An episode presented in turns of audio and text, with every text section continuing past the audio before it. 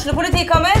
Ine Jansen er purk. Er du purk? The motherfucking bitch. Alt jeg vil, er å finne ut hva som skjedde med mannen min. Jon Carew. Er jeg sikta for noe? Iben Akeli. Det er du. Ole So, Lars Berrum og Big Daddy Karsten. Hvem sin side er du på, egentlig? Anette Hoff, Tone Danielsen, Kommer du fra Afrika?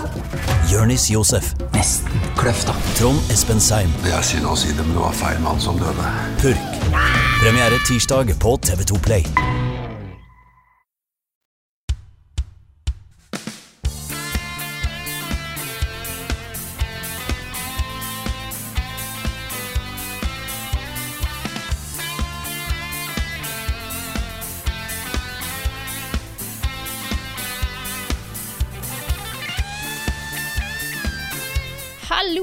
Velkommen til en litt annerledes episode av podkasten Level Backup. Altså, Innholdet er det samme, men folka er litt forskjellige. For Rune er på ferie, og Carl har fått korona etter sin ferie. Så jeg har fått med meg eh, to andre i, i dag. En vanlig og en litt uvanlig. Først er Niklas Halvorsen. Velkommen. Hallo. Og i tillegg så har vi fått med oss eh, fantastiske og generelt utrolig hyggelig fyr. Andreas Hedman fra nerdelandslaget. Hallo, hallo. Yes, queen! Så utrolig gøy at du hadde tid til å være med på så kort varsel. Ja, nei, Det skulle jo bare mangle. Dere har jo stilt opp for meg i 79 Sidequests, og eh, jeg tror nesten alle har vært gjest i hovedpodkasten også, så det, det når, når Gondor calls for aid, så må man eh, stille opp. Ja, men det er hyggelig. Hvordan, hvordan går det med dere denne eh, hva er jo torsdagen, første torsdagen i oktober? Nick, vil du begynne? Ja, det, det, det går fint. Jeg er litt sliten. Men jeg kom plutselig Har jeg Jeg kan si hvor jeg har vært, men ikke hva jeg har gjort, på en måte. Ja, da tror jeg. jeg tror fordi jeg tok min første business trip uh, Oh boy. for noen dager siden. Mhm. Wow. Så jeg dro til Frankfurt Oi! i, i Tyskland. Nice. Det er virkelig, er virkelig mye utenlandsreiser på level up nå disse ukene her, altså. Da må jeg innrømme. Ja, det er det. Det har aldri vært så spredd som det, som det vi var for et par dager siden, liksom. Nei, da var vi virkelig overalt. Nei, så det kommer en reportasje der. Jeg og Svens tok en tur. Skulle egentlig være Carl, men han bestemte seg for å bli sjuk, ikke sant. Så da Ja, da måtte det var Svens- taktisk. I guess. Nei. Ja, Kanskje var taktisk. Og ikke så... Nei, så jeg har uh, anmeldt mye dessert og sånn. Uh, Nice. eh, fordi det så ganske likt ut som Norge, sånn egentlig. Ja. Men den desserten, ass. Oh my god. Det er noe med tysk dessert. Den, er, den leverer kalorier. Ja, det òg. Men er det ikke det dessert skal? Jo, jeg er helt enig. Jeg føler jeg, føler jeg eh, havner over en sånn oppskrift på internett med sånn der Den sunne versjonen av sjokoladepudding er like god. Nei, det er han ikke. Dessert skal ikke være sunt. Det er ikke det som er poenget. Livet er for kort til at dessert er sunt. Ja, faktisk. Nei, ja, ja, det var jo liksom en buffé der, liksom. Jeg tok jo bare dessert. Det er, litt, det er litt gøy, for det var noen som sa sånn det er bare I don't mean to be your mother, but du bør kanskje ta noe annet enn dessert. Og det er til de gangene jeg kunne sagt nei. Nei. Jeg, Jeg er voksen nå. Jeg er voksen nå, ikke sant? Nei, så det var pudding og sånt som så ut som Twinkies, og det var masse vaniljesaus, og det var, åh, nei, det var, det var good times. Og så fikk jeg, så spilte jeg litt Pikmin, Pikmin Bloom, og fikk noen, med meg noen tyske Pikmin hjem. Nice. Du har levd livet, høres det ut som. Ja, det, det, det gikk veldig fort. Det var over to dager, så var det bare bam, Tyskland og tilbake igjen. Bam, Tyskland, dessert, tilbake igjen. Ja, egentlig det blir sånn dessert tilbake igjen. Hvor ofte må dere på en måte klype dere i armen over at dette er jobben vår? Det er, det er litt rare situasjoner en dukker opp i. Det er jo det. Ja, jeg, jeg bare er så takknemlig for det. Å kunne reise til Ja. Tyskland, spille litt Pikmin, spise dessert og dra hjem igjen. Det er jobben. Jeg har jo eh, dessverre har jo dessverre blitt snylta ut av en utenlandstur eh, i jobbsammenheng. Jeg fikk jo mulighet for én pressetur. Skulle til, til Danmark og snakke med eh, folk om Detroit Become Human. Oh, Eh, og så brøyt, eh, så brøyt flyet mitt sammen. nei, nei, nei, nei. Så jeg kom meg ikke av gårde. Og da sånn, ja, nei. Telefonintervju, da. Det er kjempekos. Ja, ja, trist. Så nydelig spill òg. Ja, det var, det, var, det var kjipt, men så er jeg ikke så glad i å fly, så det gikk på en måte greit likevel. Jeg ser for meg bare Å nei. Ja. Ja, Mest irriterende, for jeg måtte stå opp klokka tre på natta for å nå det flyet. Oi, oi, oi, oi, oi, oi. Det ble en historie, da. Ja, det ble en historie, helt klart. Du da, Andreas? Jeg har det kjempebra, jeg. Det er jo uh, høytid. Det er jo høsten. Du kan trekke inn i huset ditt, uh, ta på deg pledd, se på at det pøsregner og blåser ute, og kose deg i en eller annen fiksjonell verden. Så det er jo en glede, selvfølgelig. Um, og så er det jo mye gøy som skjer også på spillfronten denne høsten. Um, flere spill som jeg ikke visste at jeg på en måte gleda meg til, som kommer. Så for eksempel så er det sånn Dakar rallyspill som kom uh, tirsdag denne uka her, som jeg var sånn wow! Det kom fra ingensteds, og det ser liksom ut som en blanding av Gran Turismo og uh, ja, Forsa, liksom. Så det, det, det, så litt gøy ut. Så jeg, jeg har det bra, jeg. Uh, så lenge jeg får spille fine spill og, og har det bra ellers med min mentale helse, så er alt i vater. Og det høres veldig, veldig bra ut.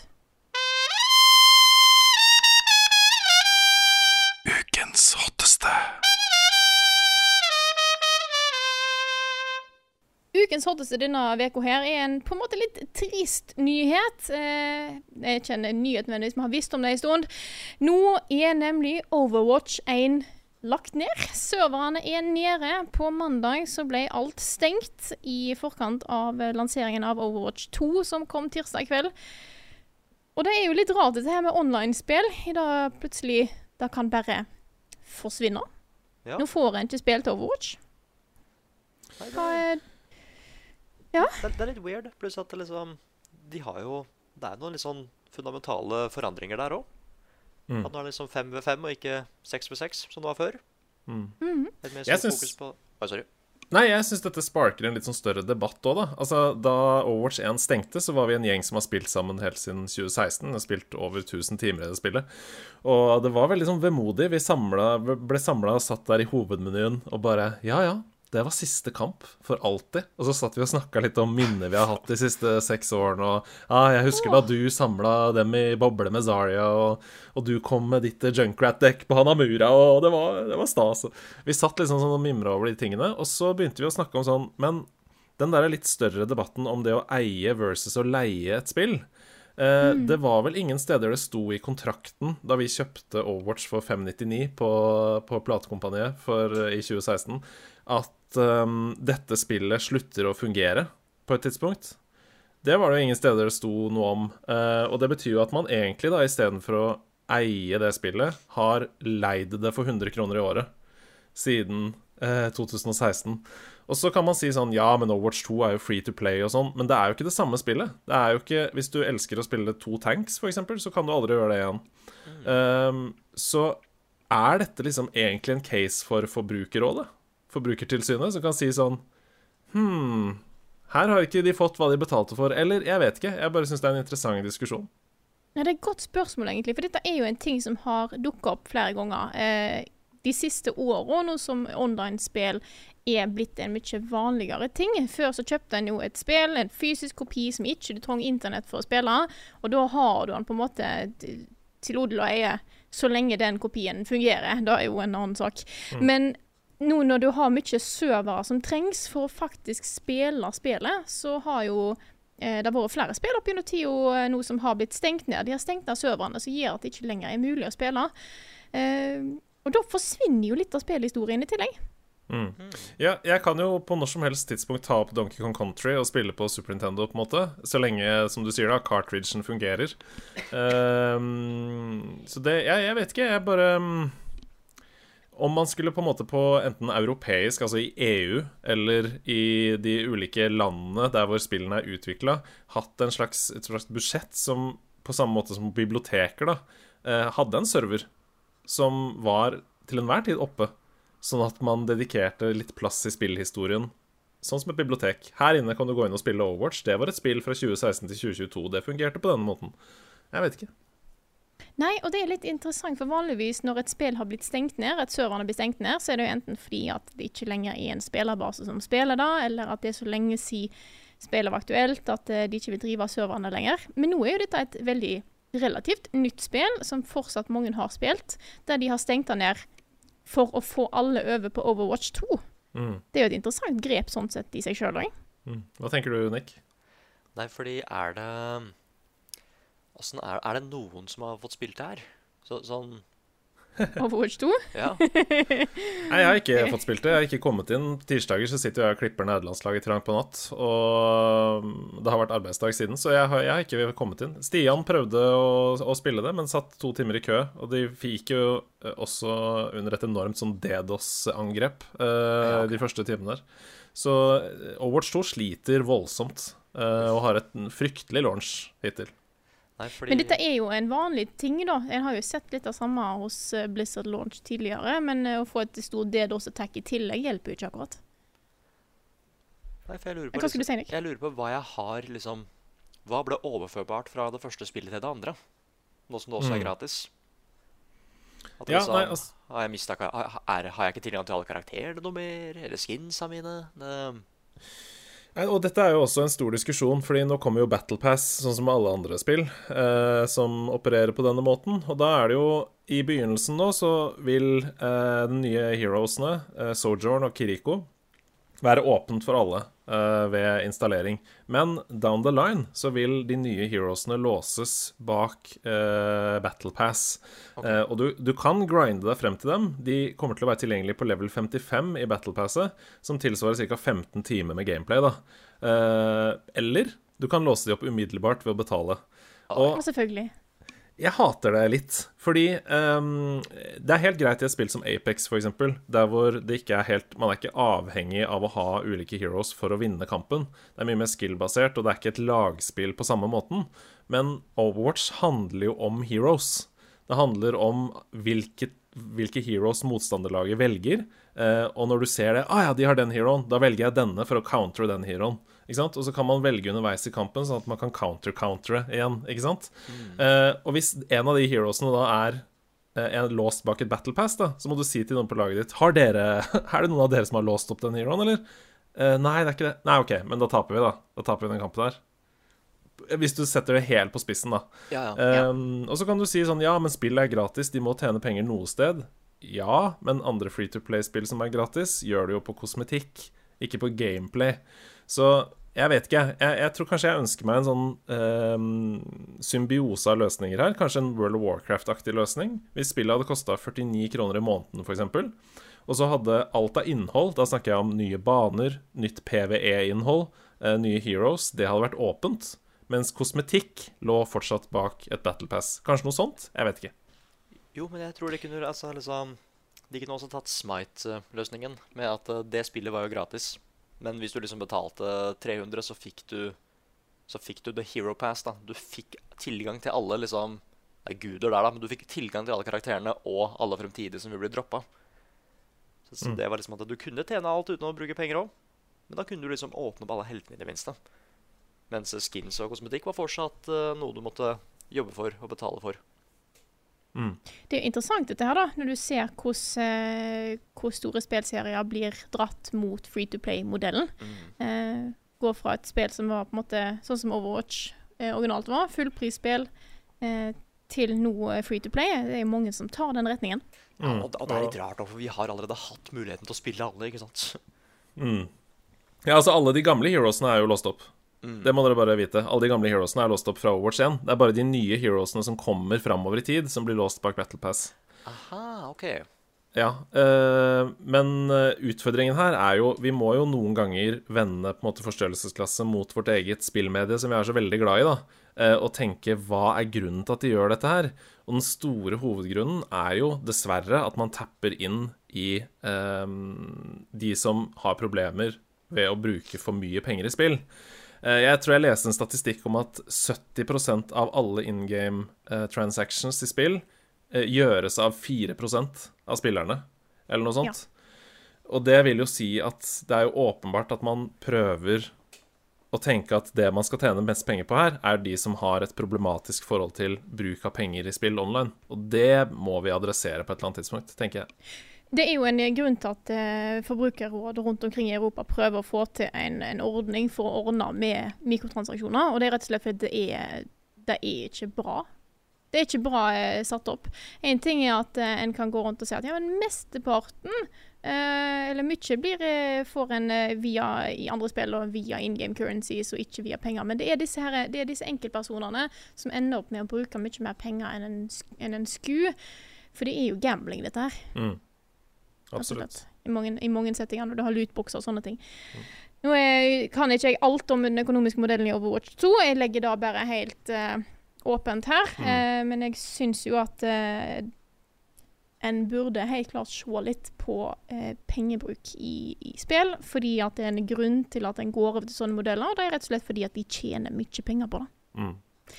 Og så vil jeg bare legge til til slutt at det kan jo godt hende at spillet i seg selv er kjempebra. Altså gameplay-messig, historiemessig, law-messig. Det har jeg ikke sagt noen ting om. Så det gleder jeg meg Jeg skal anmelde det på vegne av oss, så jeg gleder meg til å endelig få komme inn i spillet. Ja, da skjønner jeg. Hvis vi skal ta runda litt av her da, og snakke litt om uh, Overwatch, hva, er, hva vil dere si at deres uh, beste minne fra, fra Overwatch 1 er? Noe som da er borte? Vil du begynne, Nick? Det var jo du, jeg tror det var vel ikke du som anmeldte det for uh, Level Up en gang i tiden? Jo, Det var vel du og Lars, var det ikke da, Som hadde en krangling om, eh, om score i tillegg? Ja, det er den største og første krangelen vi har hatt. Og, og den eneste, sånn egentlig. Nei, fordi Det skal jeg, være litt temperatur. ja, for jeg, jeg var jo Jeg ga det spillet ti, liksom. Um, Mm. Og han Han hadde det syde. Øh, ni. Hvordan kunne han hæ? Ja, kunne han- Nei, jeg følte at liksom der og da så var det på en måte det beste av sitt slag. Pluss at det Mm. var også på den tida hvor det var fortsatt den Blizzard-kvaliteten rundt det, liksom. Mm. Um, og at jeg elska gameplay, og jeg hadde ikke noe problem med å bytte til forskjellige roller og sånn. Noe som jeg har i mange av de der eh, teamaktige spillene liksom, som League of Legends og sånn. Mm. Så jeg tror at min favoritt er at vi spilte ranked, så jeg tror jeg tok ut hele laget med Han het McCree da, men jeg tok ut hele laget med High Noon. Mest fordi at noen andre hadde brukt Ryan Hart for å ødelegge posisjonen deres. Mm. Det var gøy. Jeg gikk rundt banen liksom for å ta dem. Ja, det er de placene der som gjør Overwatch til et helt unikt spill, ikke sant? og som gjør det til mye mer sånn strategibasert enn mange andre lignende spill. Uh, for min del, så Jeg har også mange sånne type øyeblikk. Jeg husker da Mercy var sånn at man kunne resse hele laget som Ultimate. Uh, alle døde på punkt, og så sto jeg og gjemte meg bak en vegg, og så bare ha, Så ble alle levende igjen. Det er deilig. Men jeg tror kanskje mitt største på en måte, forhold til det spillet er alt rundt det. Eh, animasjonsfilmene som Blizzard har laga til det spillet, eh, er jo av liksom eh, Pixar-kvalitet. Eh, og hvis man ikke har sett det, så anbefaler jeg, selv om man ikke har noe forhold til spillet, gå inn og se på spesielt den som handler om Reinhardt, Honor and Glory.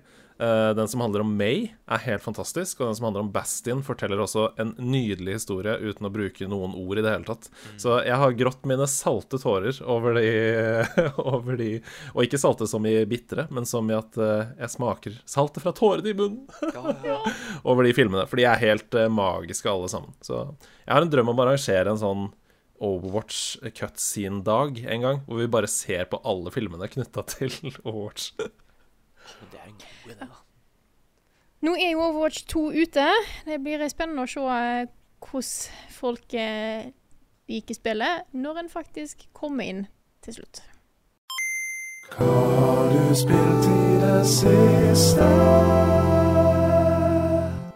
Siden vi har en special guest i dag, så tenkte jeg at eh, Andreas, du skal få lov til å begynne å snakke om hva du har spilt i det siste. Å, for en ære. For en ære. Du, jeg har eh, Jeg koser meg veldig med både GamePass på Xbox og PlayStation Plus-løsninger på PlayStation. Jeg syns eh, det er mye value uh, for money. Uh, vi vi snakka litt om hva spill skal koste og sånn tidligere. Og dette har jo dere også snakka opp og ned om i Level Up, men eh, det var jo sånn at da f.eks. Wayne Gretzkys hockey kom til Nintendo 64, så kosta jo det på den tiden 800 kroner. Eh, så eh, spill Ja. og det, hvis du oversetter det til eh, 2022-penger, så er vel det nærmere 1500-1600 kroner eller noe sånt for et spill. Ja, ting var dyrt. Så vi har det veldig godt om dagen. Jeg vil bare at folk skal huske det. Eh, Så aller først så spilte, har jeg spilt et spill som var gratis på PlayStation, eller inkludert i PlayStation Plus eh, forrige måned, nemlig 2M. Og 2M, det er for alle som liker a short hike, så er det bare Altså, du må bare løpe og installere det med en gang. Det er typ nesten det samme spillet rent gameplay-messig, eh, bare at settingen er en annen. Du begynner i beste Pokémon-stil som en liten kid i hjemmet ditt, hvor moren din sier 'Nå er det på tide å dra ut i verden, min venn'. Uh, her, er et, uh, her er et fotografiapparat. du, du skal redde verden med å ta bilder av ting. Ja! Um, og så skal du ikke redde verden, da, men du skal hjelpe folk. med sine forskjellige ting. Så akkurat som i Short Hike, hvor du møter folk som trenger din hjelp til å løse ulike små quests, så er det det samme her. Du møter noen som uh, trenger bare 'Å, jeg er veldig glad i larver. Kan du ta bilde av fem larver og komme tilbake til meg med dem?' f.eks. Uh, eller mer sånne ja, kompliserte quests. da. Vi leter etter en tyv som har gjemt seg i skogen. Kan du finne han og ta bilde av han? Eller uh, 'Vennene mine leker gjemsel, men jeg klarer ikke å finne dem.' Ta bilde av dem og kom tilbake med bildene til meg. Og det er så søtt, og det er så koselig. Og det er Altså, hvis du trenger en uh, virtuell spillklem, så er 2M uh, the way to go, ass. Det er så koselig. Det er utrolig fint spill, og det er stilig uh, stil på det. Alltid litt sånn 2D Mario, Paper Mario-aktig opplegg i svart-hvitt. Mm. det jeg likte så godt med spillet, var helt klart puzzles og hvordan ting var satt sammen. For jeg husker jeg var i noen områder der jeg hadde en del jeg hadde en del oppgaver. Jeg hadde ikke løst noen av dem. Jeg tenkte å, hvordan kommer jeg meg videre? Og så løste jeg én, som løste den neste, som mm. hjalp meg med den neste. Og det, det, er så godt satt sammen. Mm. Det er sånn deilig dominoeffekt som skjer der. Um, mm. Og det er jo heller ikke så veldig langt. Og det, jeg er glad i de små spillene som ikke føler at de trenger å gape over mer enn det på en måte som var visjonen. da. Så eh, du kommer deg nok gjennom på fem-seks timer. Så enten én litt solid sitting eller to. Um, og det, det syns jeg er helt perfekt om høsten. Lage seg litt Jeg så det var noen i en anmeldelse i IGN som sa sånn Lag deg en kopp kakao, trekk deg opp under teppet ditt og kos deg med det bitte lille, koselige spillet Toem. Og det er uh, Ja. Hvis du liker den type spill, så er det top tier. Det kom vel i fjor, tror jeg? Ja, det kan stemme, det, med tanke på at det er gratis. Ikke gratis, for alltid kjeft for det. Inkludert i PlayStation Plus uh, forrige måned. Jeg tror, yes. Nå er jo dette dessverre litt seint for akkurat det, da. Nå er det vel flytta og koster 199 eller noe sånt uh, nå. Det er det verdt. Verdt allikevel. Det er det verdt. Mm. Videre så har jeg spilt uh, et spill som også ikke er nytt. Det heter Pikuniku. Det er så gøy. Det er så weird. Ja. Og og fra liksom kos Dette er også kos, men på en helt annen måte. For dette er jo humor. Altså, eh, jeg er veldig glad i humor generelt, uansett hvilken underholdningsform det kommer i. Og når den sitter i spill, så er det så utrolig bra. Eh, Altfor ofte så er humor i spill redusert til sånn ja, dårlige grisevitser, liksom. Eh, men her så er det sånn deilig, absurd humor. Jeg brukte det samme eksempelet i nerdelandslaget, men hele anslaget på spillet er at det er en rosa sky med to bein som står og ser på deg i, i horisonten. Og så sier hun 'Kom nærmere'. Pst, kom nærmere. Og så er det sånn Hæ? OK. Så kommer du litt nærmere. Så er det enda nærmere. Kom nærmere. Kom nærmere. Og så holder det på en stund. Man kommer nærmere og nærmere. Hvorpå den rosa skyen plutselig sier sånn Vet du hva jeg liker? Gratis penger! Nå kan du få gratis penger! Og så begynner han å reklamere. Og musikken er gal! Det er bare Ja, ja, det Og så begynner han å fortelle deg hvordan du kan få gratis penger. Uh, og så er spillet i gang. Og det er jo et plattformspill med litt sånn weird fysikk. Uh, der du spiller en liten rosa ball som får bein, og som kan hoppe rundt. Og går sånn halvveis logisk med liksom sånne rare bevegelser som måtte bare sjøfle bortover med bakken. ja. Og så kan du når som helst uh, gjøre deg om til en sånn Metroid, altså en Samus-ball, for mm. å også rulle gjennom små ganger, f.eks. Det er eh, veldig gøy, veldig morsomt. Manuset er kjempevelskrevet og mye mer sånn organisk enn det spill pleier å være. Eh, folk snakker til hverandre sånn som jeg opplever at man ofte snakker til hverandre i virkeligheten. Eh, det er ikke så veldig sånn velskrevet hvor det er sånn Du sier det, så sier du det, så sier du det. Mm. På et tidspunkt så dytter du f.eks. til en tre, tre, så det kommer en edderkopp ut av treet. Og så sier den edderkoppen hva, hva er det du vil?' så, sier, så sier du sånn 'Nei, broa er ødelagt.' Og så bare 'OK, hvem var det som gjorde det? Nei, det var jeg som gjorde det. Ja, da får du fikse det sjøl, hvis det var du som gjorde det. Og så forsvinner den edderkoppen igjen. Åh, jeg, jeg, anmeldte jo Picnic Back in the Day, og det er et uh, fantastisk spill. Hver gang jeg tenker på at da spillet finnes, tenkte jeg åh gud, det var egentlig veldig, veldig gøy. Jeg kan spesielt huske en plass der du eh, Jeg vet det er en dance battle på et tidspunkt, men òg plutselig bare blir du teleportert til en plass som heter Toastopia. Som er et eget, eget sånn absurd lite univers der det er masse nivå eh, om toasts. Åh, ja. Det er så deilig. Jeg elsker at spillmediet kan romme den type spill også. Eh, mm. Så jeg anbefaler det hvis du er glad i humor, og så anbefaler jeg det hvis du er glad i plattformspill. Eh, det er jo liksom puzzle-elementer her. Du må tenke ut hvordan du skal løse forskjellige oppgaver, men det er uh, mye hopping. Eh, og mye sånn deilig hopping også. Plutselig treffer du en sopp og så høyt opp i lufta. Det er deilig. Eh, helt til slutt så har jeg spilt et spill som heter Hard Space Shipbreaker. Og det Da lyder kjent, men jeg må bare google det helt kjapt. Ja, det er inkludert i Xbox GamePass. Sannsynligvis på PC også. Kontrollen er såpass innfløkt at jeg regner med at det er det. Eh, men det jeg ble, jeg, Noen ganger så sitter jeg og scroller gjennom spillene som er inkludert i GamePass. Og så stå, stå, ser jeg på forskjellige trailere og sånn som ligger i løsningen der. Og da jeg kom over dette, så ble jeg så intrigued fordi det hadde sånn 9 av 10, 10 av 10, 10 av 10, 9 av 10, 10 av 10 over hele skjermen. Og det er jo ofte et godt tegn når det er eh, Når det er på en måte anmeldere som hyller det, da. Og det er rett og slett en work-sim. Eh, altså sånn som American Truck Simulator, på en måte. Bare at du jobber i verdensrommet.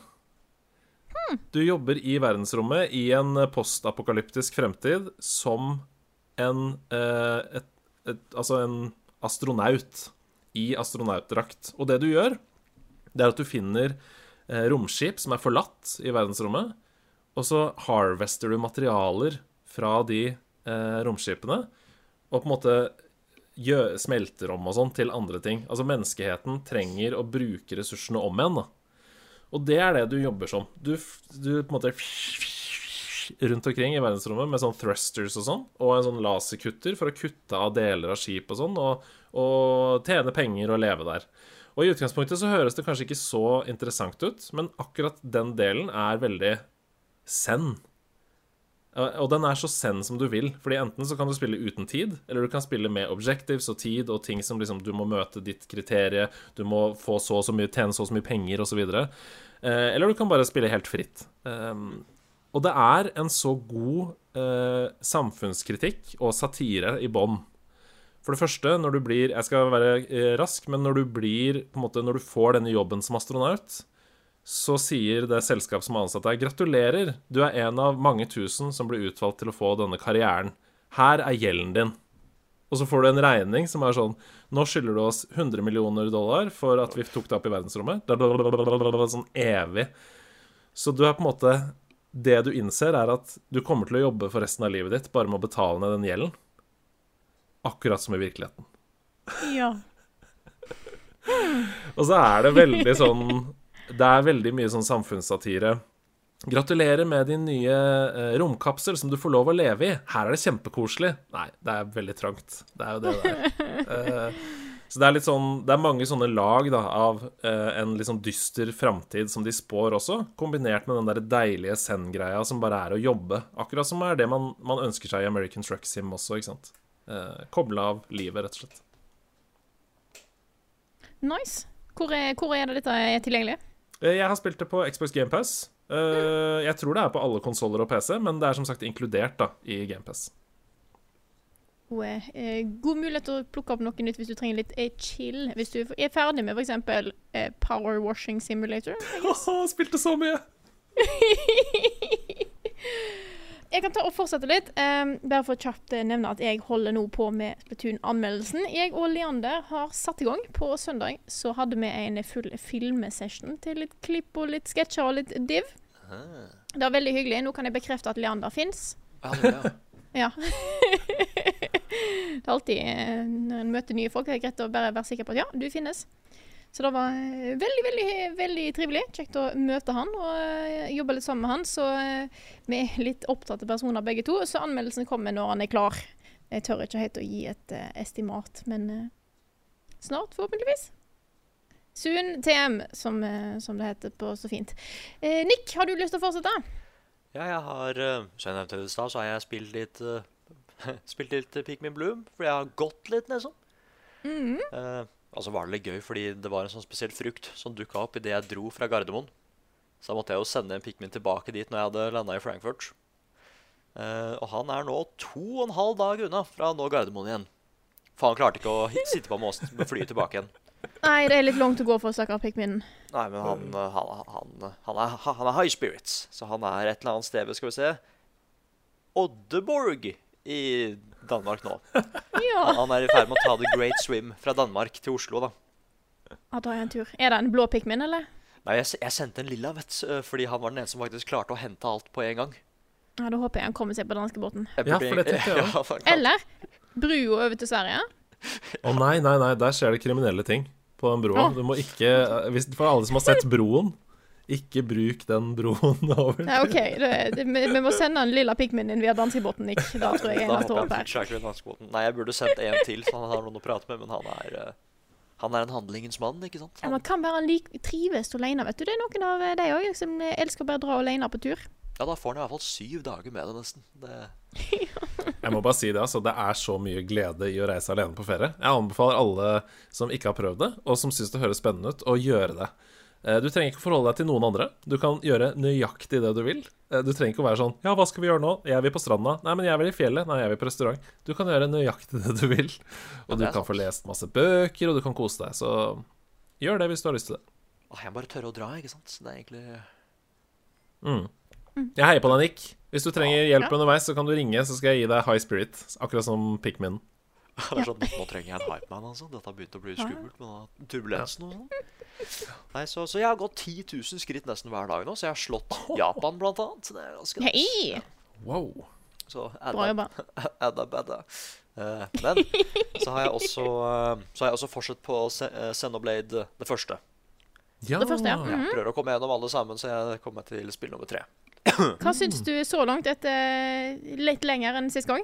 Ja, fordi uh, jeg begynner liksom å jeg, jeg, jeg liker gameplay nå, liksom. Det var egentlig det jeg var mest skeptisk Det nevnte jeg sist gang òg. Det var det jeg var mest skeptisk for. For det så bare ut som en sånn autobattler. At jeg gjør ikke egentlig så mye. Jeg bare står Mm. der og Litt som sånn der MMO-slåssing, på en måte. Mm, mm. Men nå begynner det virkelig å være sånn Nå begynner jeg å forstå systemet litt. Så da har jeg litt strategier jeg kan bruke i hver kamp, da. Så det er kult. Og nå er jeg helt klart til den derre Nå er jeg Unnskyld språket, men nå er jeg i the good shit, som det heter. For nå er det twister overalt. Oh yes. Uh, er, det, det har alltid vært litt sånn at OK, her er en liten twist, og så en svær en. Og så kan du spille i ti timer før det kommer neste, liksom. Men nå har det vært mye på en gang, ass. For, nå er det sånn der Nå skal vi forklare litt om hva som egentlig er greia. Mhm. Rett og slett the big eh, story beats, eh, the beeps and the boobs. Nei, Kom og, til den bolken, ja. Mm. nei, og jeg, jeg har ikke egentlig så mye mer å si annet enn at eh, nå begynner historien å bli Den, den var spennende, liksom. Men it's uh, It's taken up a notch. Nå er det veldig veldig spennende. Pluss at musikken blir bare bedre, altså. Ja, fy fader, musikken i første spillet er jo amazing. Mm -hmm. I alle spill, egentlig. Jeg synes det er veldig interessant det du sier med gameplay, fordi jeg spiller jo Cineblade 3, eh, og det er det første spillet jeg spiller i den serien. Eh, og det til de som hører på som tenker Hæ, går det an, går det ikke an? Det, det går an. Selv om det er connections mellom verdenene, så er det jo uh, individuelle historier, sånn som i Final Fantasy. Uh, så det går an. Men, men jeg tenkte på akkurat det samme. Å ja, gameplay, dette var jo ganske lett, og det gjør seg sjøl, og det er litt sånn out og sånn. Og så Altså, de upper det De upper det med så mange notches underveis, og etter hvert så er det jo skikkelig krevende. Altså man må Men det er en veldig god læringskurve, da. Så du, det er ikke overveldende heller. Men du må virkelig jobbe, liksom, og bytte mellom karakterer og holde på. Mm. Jeg syns det var veldig interessant eh, hvordan spillet, og generelt alle spill, og det bygger på kampsystemet underveis. Eh, jeg var jo på en måte overraska, men òg ikke overraska, da jeg 50 timer ut i Xenoblade Chronicles 3 fikk en ny mekanikk i kampsystemet. Og jeg bare sånn Ja, selvfølgelig skulle jeg få det! Da er jeg helt innafor. Det er jo naturlig, eh, da nå. men sånn er det i spiller litt. Jeg syns eh, det, det, det er interessant å høre fra deg, eh, Andreas, som er ny til serien. For jeg er på en måte blitt vant med denne måten spill bygger bygge opp eh, kampsystemet på. At det starter veldig rolig og litt sånn du må vente på at du kan gjøre et angrep. Og så må du vente til du kan gjøre neste. Eh, for det tar jo litt av. Eh, det gjør jo det. Det blir en dans, da. Det er jo en rytme i det. Du må liksom se sånn Nå har den fire sekunder, cool down, den har tre Så må du liksom hoppe mellom de forskjellige karakterene. um, men ja, og, og jeg er også ikke noe sånn stor JRPG-spiller eh, tradisjonelt. Jeg har spilt liksom Nino Kuni og sånne spill, men jeg har ikke en veldig ekstensiv JRPG-fortid. Så hvis du som hører på heller ikke har det, ikke vær redd. Det er eh, veldig lett å komme inn i. Og du blir forklart Hvis du liker Skyrim, liksom, så kommer du til å like det her òg, tenker jeg da. Og hvis du er redd for at eh, noen JRPGs kan være litt mye anime, så er dette et veldig lite anime egentlig eh, RPG, Mm. syns jeg. Ja. I forhold til andre. Så syns jeg egentlig at, eh, at Xenoblade 3 er et ganske de har, det, er en, eh, det er selvfølgelig anime, det er jo det, men, men ikke så ekstremt, eh, er vel det jeg prøver å si her. Men, men veldig kult å høre at du driver og bytter veldig mye mellom karakterer, Andreas. For, for det gjorde ikke jeg. Nei. Ja, det er sikkert bare forskjellig spillestil. Mm, så det er stilig å høre på en måte, om de ulike måtene du kan, kan eh, tilnærme deg spillestilene. Hva annet, Nick? Ja. Nei, det er liksom ikke noe annet, ass. Jeg Det er eh, Jeg holdt på å si Jeg har lasta ned Tunic. Eh, det, den står liksom klar. Eh, Nå sier jeg at det skal jeg klare uten guide, men det spørs om det går. Men, det spørs hvor langt uti du har lyst til å gå uten guide, eh, tror jeg. nei, Det, jeg, det er noen eh, Ja. ja, for jeg bare holdt meg på øret hver gang dere har snakka om The Puzzles, liksom. ja. Så jeg lurer liksom på bare når jeg får den derre Ja, spiller har det Vent et lite øyeblikk. Wait a minute. Nei, jeg, jeg har liksom Jeg har hørt bare på åssen oppdagelsen og sånn funker i det spillet, med kontrollsystemet og litt sånn. Og bare hva gameplay generelt er. Så jeg er veldig spent på hva det er. Det er, uh, det er et av de svære høla jeg har i år. Så jeg, Jeg, eh, gleder meg. Jeg håper du får tid til det. Jeg er veldig spent på å høre hva du syns. Og eh, jeg liker eh, utgangspunktet ditt med at du skal prøve alt sjøl, Mm. Uten guides. Da tror jeg vil gi deg en god opplevelse. Altså, vi sitter jo med, vi sitter jo med professor Tunic her, så uh, Hvis det er noe du lurer på, så kan du bare ringe til Frida, Alik. Ja, ja. Herregud. Det har jeg. Jeg har, eh, jeg har googla min fair share av de siste oppgavene. Eh, Optional-oppgavene, må jeg innrømme. Eh, men jeg, har, jeg føler jeg har en relativt god oversikt, i hvert fall. Så Nick, hvis du skulle trenge noe hjelp og ikke vil google, så kan jeg sende deg Komme med eh, uspoiler-hint. Ja, Spoilerfri. Spoilerfri er et ord. Ja, hei. ja, ja, fordi Hvis noen spør deg bare om jeg googla noe, så har jeg jo teknisk sett ikke gjort det. Ja. Mhm, sant. Så, Ja, ja, ja. Helt riktig. er jo kjempebra. Ukens anbefaling. Nå når du er gjest, Andrea, så bare gir jeg deg første, første si alle spaltene våre, for det er enkelt. Du har en anbefaling å komme med denne uka. Ja, du, det er jo Internett er jo veldig splitta hva gjelder eh, Rings of Power og eh, House of the Dragon. Um, og jeg er jo ekstremt Ringenes herre-fan. Det må jeg bare si med en gang. Og ikke bare Ringenes herre-fan, jeg er veldig Tolkien-fan. Jeg har lest Silmarillion, jeg har lest Hurins barn, jeg har lest Tales of the Perilous Realm, eh, og alt selvfølgelig av Hobbiten og Ringenes herre og sånn. Og jeg er bare sånn opptatt av å si at Rings of Power er kjempebra. Hvert sekund av Rings of Power er objektivt kjempebra. Elsker vi kommer objektivt bra. Det, da er vi på rett plass her. Nei da, det er selvfølgelig en smakssak, og det, det er helt lov å ikke like Rings of Power, altså. Eh, Det er helt lov. Men jeg elsker det. Eh, Og jeg er eh, veldig veldig Tolkien-fan, som sagt. Jeg skal inn i studio senere i dag og lage Sidequest om Silmarillion til nederlandslaget.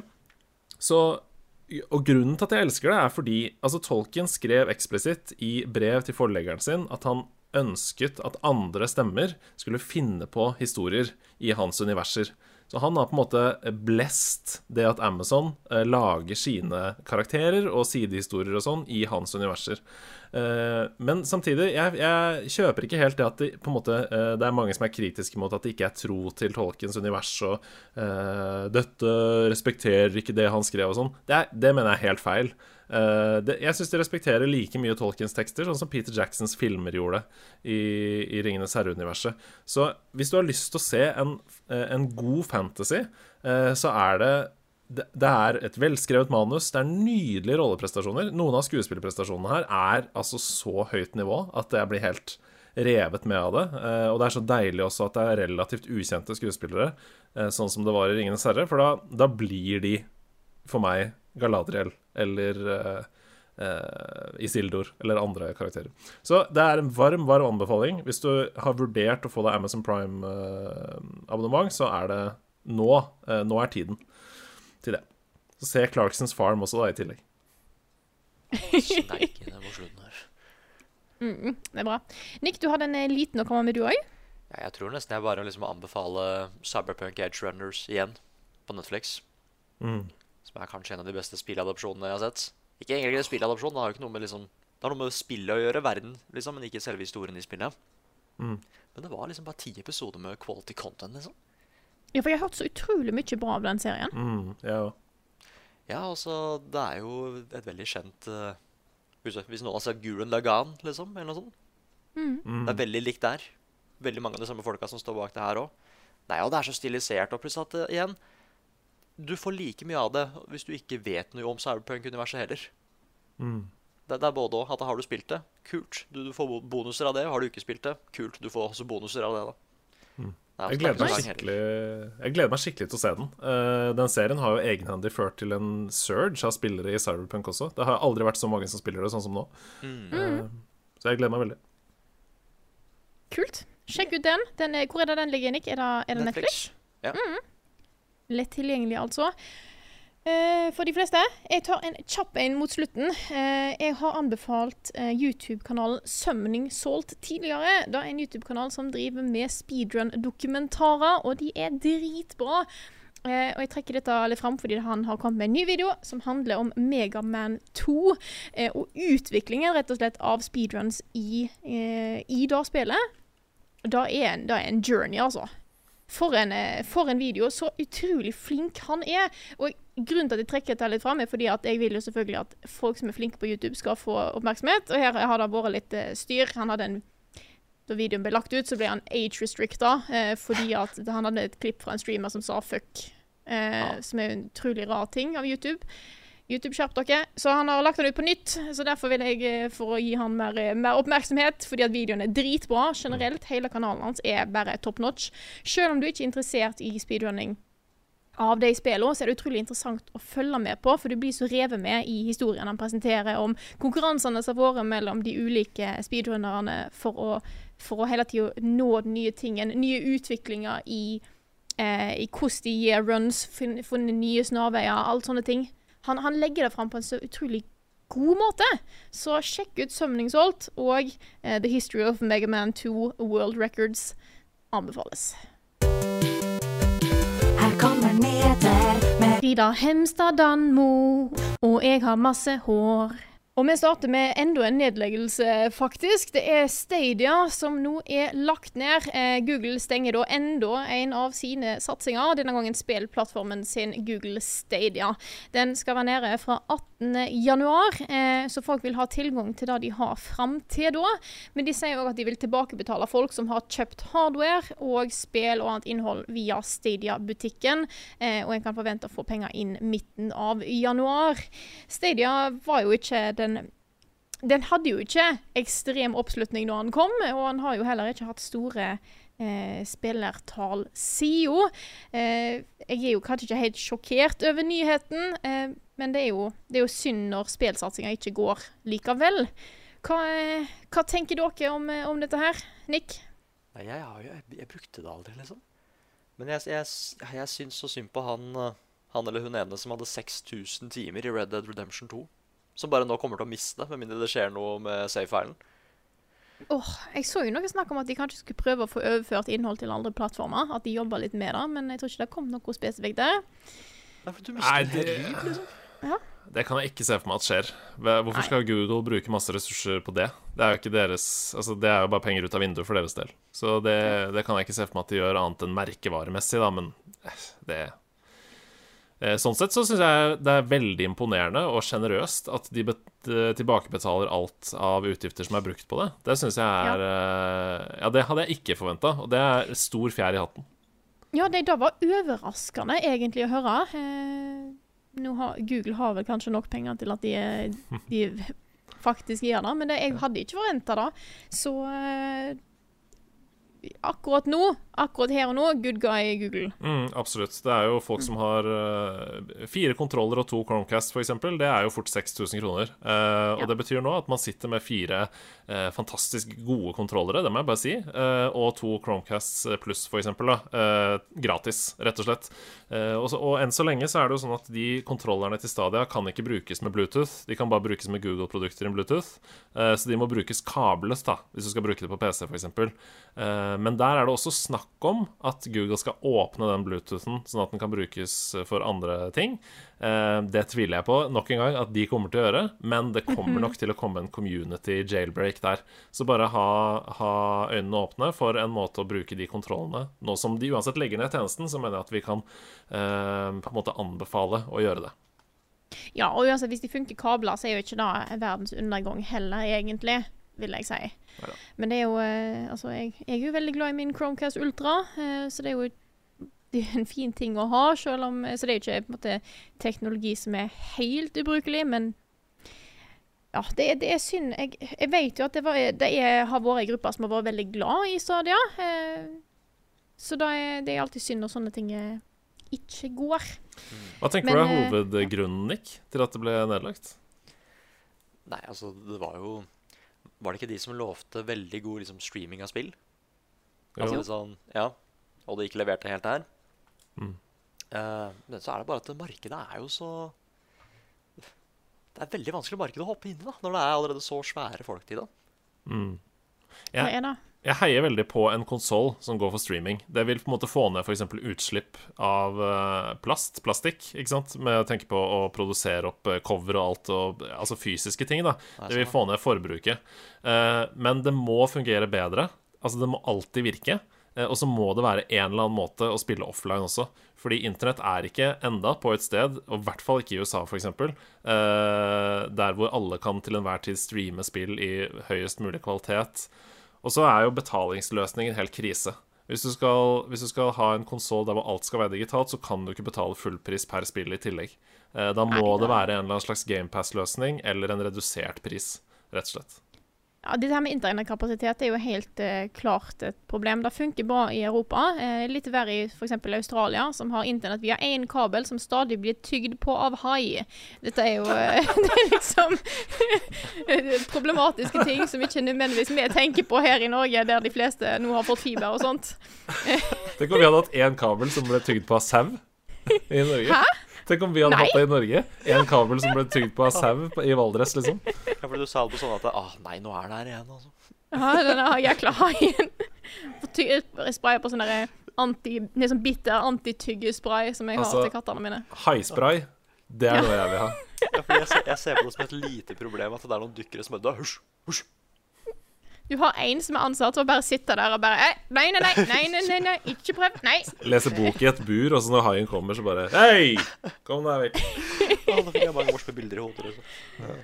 Åh, yes. Nei, det er mm, eh, Streaming har jo òg Har vel òg sine CO2-avtrykk i tillegg, så det er jo det er, Åh, det er vanskelig opplegg, dette her, men jeg, jeg tror Jeg tror nok helt klart at vi ser jo mer og mer streaming innenfor spillmediet. Så eh, jeg vil nok tippe at det kanskje da vil komme etter hvert en, en konsoll som er mer streamingbasert.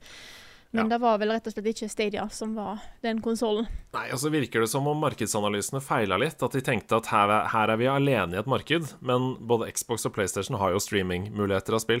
Så det er litt sånn det var, det var kanskje ikke så stort marked heller. Og du har det jo på Switch òg. Der er det jo noen spill som blir streama, faktisk, hvis de er litt for sterke til at konsollen kan ta det. Mm. Eller bare Kingdom Hearts. Da tror jeg blir streama av en eller annen grunn. Vi kan ta og fortsette. Vi hopper videre til CD Project Red, som har denne uka vært ute og snakka om ganske mange nye prosjekt som de har gående. De har snakka om en planlagt etterfølger til Cyberpunk, som så langt har kodenavn Project Orion. Okay. Det er hm? Ja, ja, ja. Eh, Det er planlagt tre nye spill i Witcher-serien. De har en trilogi planlagt som oppfølgere. Eh, første spill det har kodenavn Polaris. I tillegg så er det helt, et helt nytt fullskala Witcher-spill som, eh, som ikke henger sammen med Polaris, som heter Canis Majoris så langt. Og så har du et nytt spill i tillegg, som er både single og multiplayer, eh, utvikla av The Molasses Flood, som står bak et spill som heter The Flame in the Flood. Det er litt ukjent for meg, men eh, det kan være andre har hørt om det. Som jeg kaller Serious. Og i tillegg, det er sju spill dette her, så er det snakk om eh, Jeg har skrevet Hadar. Eh, som er en ny IP de skal jobbe med, som er veldig, veldig tidlig i utvikling. Så eh, interessant at de går ut og forteller om dette her, selv om det er så langt at de sier at de ikke engang på en måte jobber med spillet. Eh, på en måte hands on, men eh, det er virkelig mye planlagt for, eh, for eh, CD Project Red i tida framover, altså. Hva kan den nye IP-en være? Kanskje det er enda en sånn kjent, et kjent univers, liksom?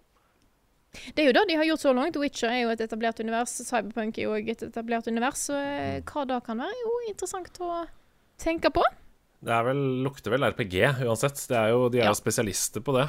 Uh, men ja, jeg, hvorfor de går ut så tidlig, det opplever jo for meg som Jeg blir jo veldig kynisk av sånne ting, men jeg tenker jo uh, aksjekurs. CD Project Red har slitt noe voldsomt de siste årene uh, på børs. Og investorene krever at Investorer krever evig vekst, på en måte. Så ved å si sånn Vi har tre nye Witcher-spill, vi har en ny IP, her satses det, whippidoo, så tenker de at aksjekursen skal gå opp, da, kanskje. Og, det er kanskje et rett tidspunkt for de å gjøre det på, nå som Cyberpunk er i vinden, og folk ikke har Du har ikke den konstante negative strømmen av hat mot selskapet. Eh, så er det kanskje de tar det nå mens, eh, mens de er litt i god jord hos folk, da, rett og slett. Ja. Men du Nick, du òg er jo fan av Witcher-spillene, hvis jeg husker rett? Mm. Mhm. Hva sier du til en ny, ny trilogioppfølger og en ny nytt enkeltstående spill og et spill i tillegg? Det er fem eh, spill i serien, da. ja, for de kommer alle til Jeg lurer på kommer alle til å være liksom i samme sjanger, på en måte. Det, det kan være så forskjellig. Ja, spesielt dette her som skal ha eh, Sirius, som skal også ha multiplayer-element. Det er jo òg interessante greier. Mm. Nei, men eh, åh, der er det kul cool, law, altså. Hva hvis vi liksom er fra starten av det Av eh, Nå må jeg vite hva det heter òg, da. Eh, The Apocalypse, på en måte, i The Witcher-universet. Å ja, den, den, den, den der jeg, jeg, jeg, jeg holdt på å si eh, Spheres. Uh, Ja, Spheres. Something, something. Det Conjunction of the Spheres. Ja, ja, ja, ja, ja. Det hadde vært Ja. kult. Nei, og det er jo liksom mange sånne Witcher schools som vi ikke veit om, ikke sant? Universet der er så svært, så det kan være kult. Uh, men så er jeg egentlig bare mest glad for at uh, jo, det hadde en røff start, men jeg er så glad i Cyberpunk, liksom. Eh, Og det at eh, de sa at det bare skulle komme én expansion pack, gjorde meg så trist, for bare jeg vil ha mer av det universet der. Så det at de faktisk nå har sagt at det kommer mer om sånn Ja, for én ting er jo For det, det er jo planlagt en, en, en, en DLC. Ja. Og så er det jo denne oppfølgeren i tillegg, da. Så de har jo virkelig store planer her. Mm, nei, for det er, det er så mye potensial der. Ja, definitivt. Eh, potensialet er nøkkelordet. Jeg sjekka aksjekursen. Eh, opp 12,3% de siste fem dagene. Ho, ho, ho, ja da. Her er det noen som uh, har gått inn med penger, kanskje. Men er, ingen av disse prosjektene har fått verken dato eller uh, info om hvor de kommer ut, så vi får nå bare vente og se. Det virker som at en del av disse spillene kanskje er et godt stykke unna, spesielt når det er snakk om en trilogioppfølger til Witcher-serien, så er det nok eh, ganske, ganske, ganske mange år fram i tid. Så spørs det vi får vente litt og se hvor mye faktiske håndfaste ideer som ligger bak disse uttalelsene etter hvert. Er uansett spennende å følge med på. Vi går videre til eh, siste nyhet jeg har satt opp her. For i kveld for oss, altså torsdag kveld, eh, det har jo allerede skjedd for dere som hører på podkasten, så skal Nintendo vise fram første kikk på den nye Mario-filmen. Eh, Dette er filmen som lages av Nintendo og Illumination. Eh, og de viste fram en, eh, et, eh, ja, en, en poster, kan du si, på New York Comic-Con denne uka. Eh, der du fikk se Mario som sto foran et fjell, og det var masse Toad som gikk i en by, og sannsynligvis da eh, Peach sitt castle på toppen. Og internett er selvfølgelig irritert. For da internett det gjør én ting, og de blir jo irritert. Men hva er de irritert på? De syns Mario har for lite rumpa. Ja, men vet du hva, Det er bra at noen faktisk tør å si det. Uh... Ja, Ja. Enig. Ta den kampen. Ja. Uh, Bore. Mario Bore. jeg tenker jo at Altså, vi fikk jo endra Sonic sitt utseende, og bare liksom bare blåse opp eh, rumpa til Mario bitte litt, burde vel ikke være en eh, Men er det law? Er det law? Eh, fordi hvis, vi- hvis vi tenker på eh, en it italiensk rørlegger eh, de, de er jo ikke kjent for å ha Altså, de bruker mye jeans, som blir slitne på jobb. De blir hengete, de buksene. Eh, de er romslige. De skal ha mye plass til verktøy i, i snekkerbuksene sine. Er det bukser som tradisjonelt lawmessig fremhever rumper? Nei, det kommer helt an på timelinen her, da. Eh, hvis dette er en origin story, så har han ikke brukt rumpa like mye. For han bruker Ja. noe mye når han slåss, ikke sant? Ja. Uh, ja. Mye hopping og, og sant, ja. skotting og sånt. Ja. Mm. ja. Så hvis dette er liksom dag én i The Mushroom Kingdom, da kan jeg skjønne at ja, den er ikke, den er ikke godt nok trent ennå. Eh, Men det kan jo òg være at eh, lyset var litt uheldig for han da. Ja. ja. Akkurat der, ja. Jeg tenker at Mario, Mario Squats Det er et uh, treningsspill jeg ønsker meg på, på Switch. Så, så hvis de sier at jeg har vært her i ett år, liksom, da må jeg, da må jeg spørre litt om hva som skjer. Mm, mm. Jeg har ikke brukt rumpa én gang, liksom. Nei, men bortsett fra det, Ja, nei, det er Nei, så, hva skal jeg si? Ja, nei, bortsett fra det, Annik. Ja, Hva er Bortsett fra rumpa. Nei, eller bare sånn Altså, utseendemessig syns jeg det ser kjempefint ut. Det ser jo ut som det er dratt rett ut av spillet, liksom. En Mm. skikkelig sånn HD-definisjon uh, HD sånn da cutscenes og litt ting og tang. Men verden Mm. er så uh, Jo, jeg kan se slottet der og sånn, men åssen er det å bo i den byen her? Fordi liksom alt er liksom hulter til bulter, og jeg ser forskjellige levels fra Mario-spillene rundt omkring her. og Mm.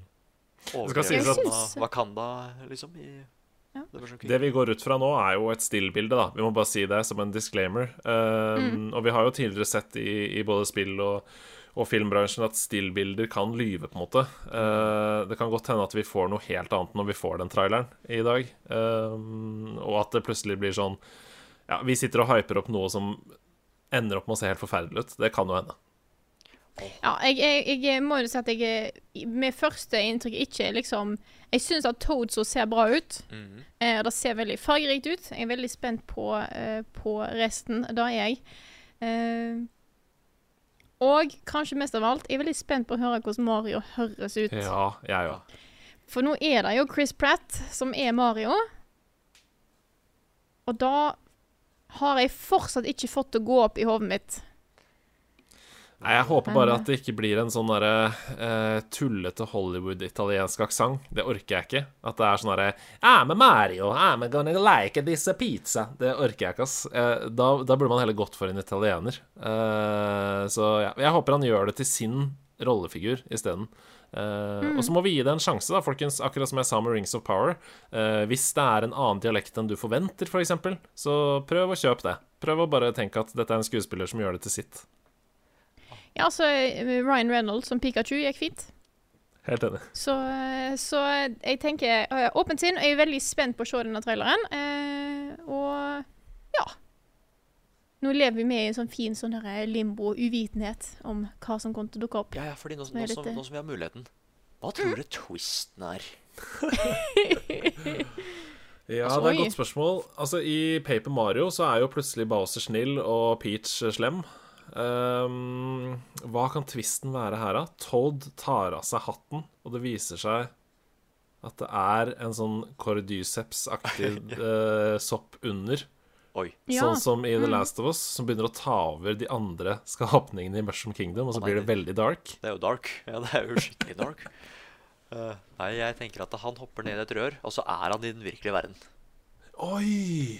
Ja, for jeg, det er det jeg lurer på. Kommer det til å være en virkelig verden-twist? Ja, sånn Space Jam-aktig, ja. Der hvor på en måte Mm. figurene plutselig kommer ut av et golfhull i bakken, så er det her et rør, selvfølgelig. ja. Mm. Oi, hva, hva hvis posteren er de første liksom, ti minuttene av filmen, og resten foregår i den ordentlige Åh, tenker vi, herregud. Hva hadde skjedd da? De, de har animert Mario, liksom, men det er den eneste figuren som passer inn i vår verden. Ja, ja. Nei, det hadde vært uh, Det vært merkelig. Jeg er, jeg er veldig spent, for du har, jo, du har jo absolutt nok av karakterer du kan ta av i det universet her. Ingen Mm. som egentlig er kjent for å ha kjempemasse spesiell personlighet og sånt. Kanskje vi får sett en liten, uh, vet aldri, Valuigi som bare sitter og sier bak en kant. Ah. Nei, det er mye Jeg er, rett og slett virkelig, virkelig eh, spent på å se hva denne traileren her vil vise seg altså, til å være. Mm, ja, eh, helt til slutt så må jeg bare si Mario-universene er jo ikke kjent for sin ekstensive historie. At det er en tåredryppende og rørende historie og tredimensjonale karakterer. Så det blir fascinerende for meg å endelig få på en måte en ordentlig historie fra det universet. Ja, det er sant. Bortsett fra biten med Rosalina i Super Mario Galaxy. Det er faen meg den tristeste greia jeg har sett i mitt liv. da. Det er vondt. Uff. Hva er dines best, hvordan fredag sist? Har Carl egentlig sopp?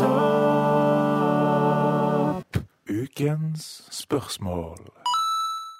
Nå som den spooky måneden oktober er i gang, så starter vi med et spørsmål fra Kanonball, som spør Nå som vi nærmer oss halloween, spooky season, lurer jeg på hva er det skumleste spillet dere har spilt? Er det noen spill dere ikke har turt å spille ferdig? Uff. Jeg er jo tidenes pyse i horrorspill. Jeg er liksom Det er Carl og meg. Vi eh, går hånd i hånd inn i horrorspill. Han tør mye mer enn meg, ass. Og det er jo helt utrolig. For jeg, altså, jeg blir redd av Luigi's Mansion, liksom. Ja, men den babyen. ja. Den Nei, så- babyen. Jeg må bare si uh, Det er absolutt spill jeg har begynt på som jeg ikke har turt å spille ferdig. For eksempel Resident Evil Biohazard i VR. Uh, Det er det skumleste jeg har spilt. Ja, det skjønner jeg. Altså, i VR, det er helt Det er helt krise. det var en Eh, når det er sagt, så er jeg egentlig veldig glad i horrorspill. Jeg tror jeg er mer glad i sånn psykologisk horror, som får meg til å liksom uh, At det kryper inn under uh, huden på deg. Jeg liker også skrekkfilmer. Det er noe med at du føler deg levende, på en måte, når du ser på det. Så for eksempel Silent Hill 2 syns jeg er et helt magisk spill. Jeg elsker det spillet. Um, men jeg, jeg blir så pysete av sånne jump scares og sånn. Jeg orker ikke. Jeg, jeg, bare- orker ikke å utsette meg for det. Jeg kommer til å få hjertestans på et eller annet tidspunkt. Jeg har spist altfor mye McDonald's i mitt liv. Blodårene mine er, blodårene mine er trange. Jeg kommer til å, kommer til å uh, Livet mitt kommer til å ende der. Så uh, ja, det var et langt svar, men Biohazard blir mitt, uh, mitt spill. Jeg tror det skumleste jeg har vært med å spille gjennom Jeg spilte det ikke sjøl, men vi var en gjeng, og da er Amnesia. Som jeg Mm. tror fortsatt er et av de skumleste spillene jeg vet om. Det er grusomt. Eh, Det er interessant å ha vært gjennom det, men, eh, men det er ikke greit, nei. Eh, det jeg har spilt som jeg ikke har kommet meg gjennom fordi det er for skummelt, eh, det var Zoma. Eh, hvis du vil se meg spille, så fins det opptak av det på YouTube-kanalen min. For jeg begynte på en Let's Play-serie den perioden jeg tenkte at jeg kan ha YouTube-kanal i tillegg, vet du. Eh, Zoma er et utrolig interessant spill. Det går jo litt inn på dette her eh, litt sånn psykiske om måte roboter og AI og det å være human og litt sånne ting. Ja, for historien var bra. Historien er dritkul, men f- nei, det er for skummelt, faktisk. Da, der, eh, eh, kommer meg ikke gjennom. Det var veldig greit på når jeg spilte det. For altså, jeg har stor respekt for Carl som har spilt skumle spill på stream. For da kan du ikke eh, Du kan ikke klippe. Eh, for da jeg spilte dette her eh, Zoma med opptak, så var det et par tidspunkt der jeg på en måte bare så i en vegg, satt på pause og gikk. Eh, og så måtte jeg ha en pause på en god stund. Og så kom jeg tilbake igjen og starta opp på samme plassen og lata som at ingenting hadde skjedd. Eh, sånn at ingen skulle tro Ingen fikk med seg at jeg måtte gå og ta meg en kopp te. Eh, eller noe. Men det gjorde jeg. Flere ganger. Så vet dere det. du Nick, du tåler jo litt mer. Ja, for jeg, jeg prøver å komme meg litt inn i skrekksjangeren. Mm. Men jeg er fortsatt relativ Ikke like puse, men fortsatt ganske puse, liksom. Uh, men det, det eneste spillet Nå skal jeg skryte litt. da Jeg har turt å spille gjennom alle spillene. liksom. Uh, Mm. Men det jeg turte liksom minst å spille gjennom, det ble jeg faktisk tok sånn, vet du hva Noen ting er litt for skummelt. Men jeg endte opp til slutt etter et par år med å spille det, og det var PT. Oi! Ja, stemmer! Ja, ja, ja. Det elsker jeg. Men det var også Det er bra, ass. Men det var, det, var litt gruppepress òg, fordi det hadde vært kult hvis vi streama det på denne, denne jubileumsstreamen. Ja. Og så hadde jeg en PlayStation med det. Så da ble det sånn OK, vet du hva, vi prøver. Mm. Og jeg er også sånn at jeg hater jumpscares um, mest fordi at det er så billig, liksom. Og det var, det var en del av det der òg. Mm. Men uh, det var skummelt, ass. Jeg fikk så vondt i hodet av det, fordi bare, åh, da er jeg så stressa hele tida. Altså. Åh, ja. Altså, men ellers så er det bare Men det skumleste Jeg syns fortsatt Firewatch er kjempeskummelt. Ja, det er interessant. Men det er skummelt på en annen måte. Ja, ja, ja, fordi det er tilbake til den psykologiske greia med at eh, jeg var liksom ikke redd for jumpscares og sånn, men det er den derre det er en Minispoiler, men de sier det på en måte i traileren. er At du skal ha det så fint her. Og spillet Mm. er kjempepent, og du skal, du skal ta det med ro i skogen. Det er derfor du er her, for å liksom koble litt av og sånn. Mm. Men hva hvis du ikke er aleine? Ja, fordi isolasjon er kjempeskummelt. Altså, Det er en grunn til at man må ha veldig sterk syke for å være skogvokter, f.eks. For eksempel. Fordi din egen hjerne er din største utfordring. Du finner jo på masse Grunnen til at folk blir mørkere, det er jo fordi de fantaserer om hva det er som fins der ute. Ikke Ja. fordi det nødvendigvis er noe farlig. Så den isolasjonen i Firewatch syns jeg også er skummel. Og ned i den der hula der. Det er, jeg syns det var kjempeskummelt, det. Ja, og og jeg husker så godt det der med at eh, jeg koser meg sånn på starten for bare Nei, men fy søren, se på det lyset her, og se på den graden. Nei, det, det fant jeg en skilpadde òg. Dette er bare fryd og gammen, liksom. Men til og med de delene var skumle etter hvert. Det spilte liksom en rolle hvor lyset var ute. Jeg var så stressa på bare Er det noe mer her? For det er noe, skjedd noen greier, altså. Mm. Nei, så det, det er nok kanskje det som frika meg mest ut, for jeg forventa ikke at jeg skulle bli så redd av det. Ja, det skjønner jeg. Åh, jeg tror vi går videre til neste spørsmål. Eh, skal vi se her. Eh, det er et fra eh, Mathias Kolsrud Aase vi kan ta. Som var, eh, eller som er Når var sist gang dere var skikkelig sint? Og blir Frida mer sint i virkeligheten enn på 71 grader no scope? Eh, jeg kan røpe at eh, jeg blir sjelden så sint. Eh, jeg tror det har skjedd én eller to ganger i mitt liv at jeg har vært så sint som jeg var i 71 grader no scope sesong to. Ja. Generelt sett så tror jeg jeg er en ganske medgjørlig, eh, grei å ha, greit å ha med å gjøre person, vil jeg si. Mm. Ja, For jeg må Nei. virkelig tenke her. Ja, fordi det er sjelden jeg blir veldig sint på folk. Ehm, hvis jeg kjenner at noe irriterer meg, eller hvis jeg føler at noen har vært veldig urettferdige eller slemme mot noen andre, så prøver jeg som regel å sette meg i deres sko og tenke sånn hva, Hvor kom det fra? Eh, hva er det jeg kan gjøre her for å forstå hvor den personen kommer fra? Ja, kanskje jeg var litt urettferdig, ikke sant? Så det er sjelden det er sjelden jeg møter så mye irrasjon irrasjonalitet at jeg blir liksom rasende. Eh, og de verste trollene i liksom Facebook-kommentarer og sånn, og de som er rasistiske eller som henger ut eh, Altså som er homofobiske og sånne ting, det ignorerer jeg bare. Så jeg tror kanskje jeg må si at jeg kan bli sint på ting, sånn som Atle Antonsen i den sketsjen der hvor han sier Ja, så du skal bare være med der, ja? Ja, så du skal ligge sånn, ja? OK. Uh, jeg holdt på litt med en robotgressklipper i sommer. Uh, ja! som jeg ble litt sint på. Jeg ble litt Ja. sint på den. Ja. Ah, jeg tenker, for jeg tror eh, den ene tingen jeg kommer på liksom nå som gjør meg Ikke fra 0 til 100, for jeg kan ikke, engang, jeg kan ikke huske når jeg var skikkelig skikkelig sint. Men jeg hater sånn der natural selection-tankegang. Med at uh, litt sunn fornuft hadde liksom gjort susen, da. Spesielt når liksom covid begynte å dukke opp og sånn. Bare at uh, ingen visste helt hva situasjonen var på starten. Mm. Og da var det sånn der at ok, greit, nå stenger Sverige uh, om to dager. La oss dra dit og kjøpe røyk, liksom.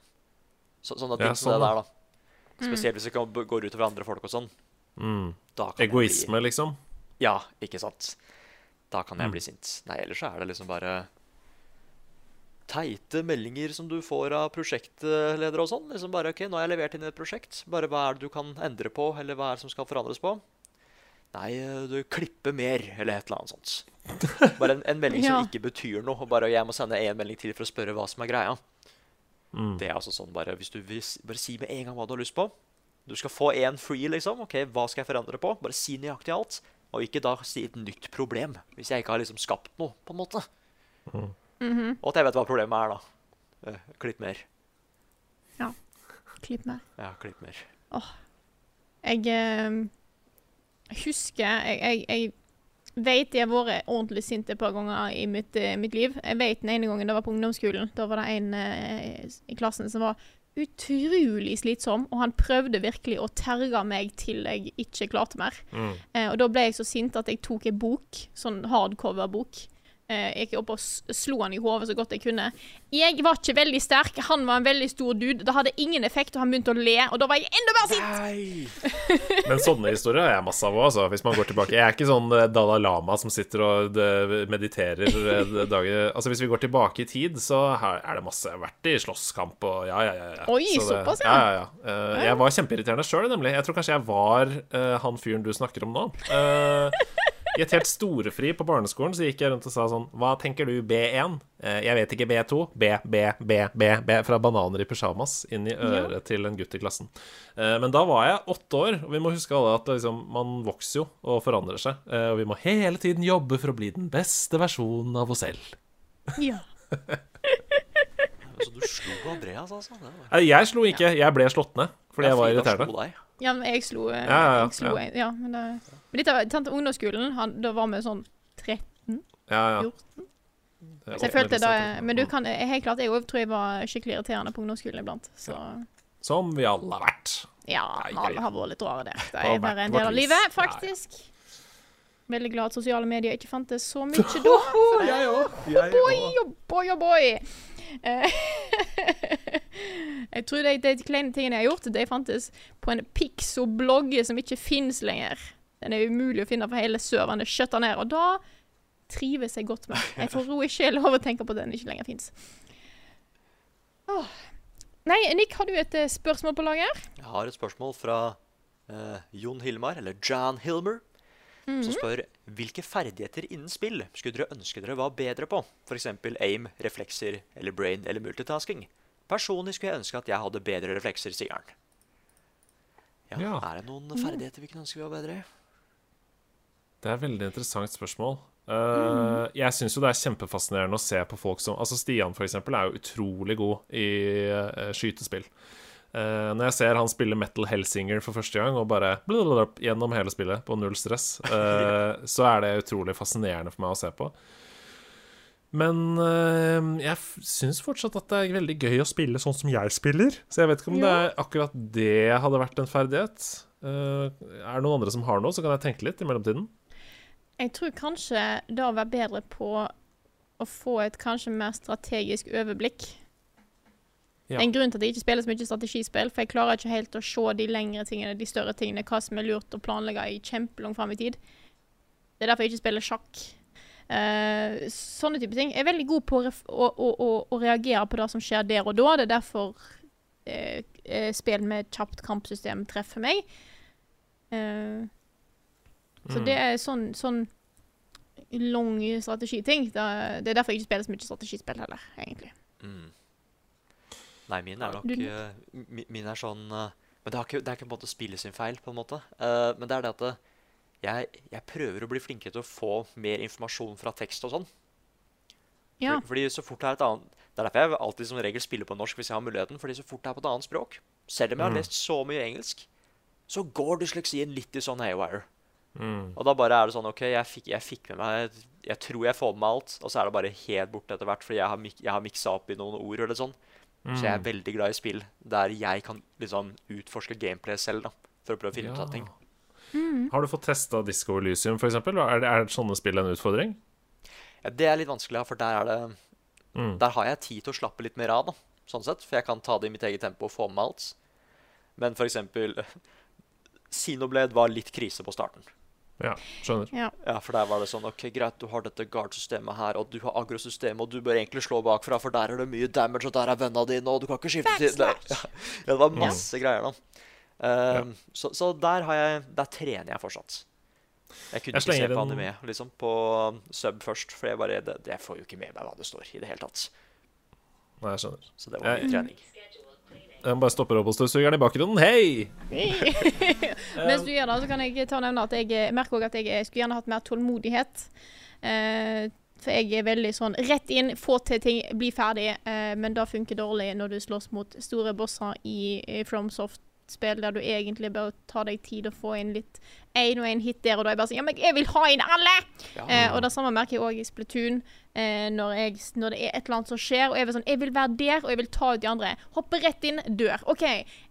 Ingen planlegging av hvor jeg skal posisjonere meg for å fortsette for å på en måte Er det bedre hvis jeg kommer inn denne veien? Bare, jeg skal rett inn, og så dør jeg. Det, det da er tålmodigheten min eh, er ikke der jeg skulle ønske at den var.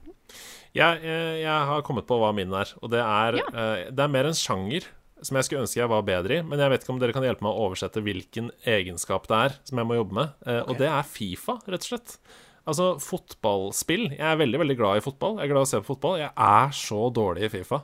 Og det gir jo ikke helt mening, fordi mekanisk så er jo det mange av de samme kombinasjonene som Smash, f.eks. Altså, det er jo du, du spiller det jo på samme måte, med liksom gjennombruddspasninger, komboer og sånne ting.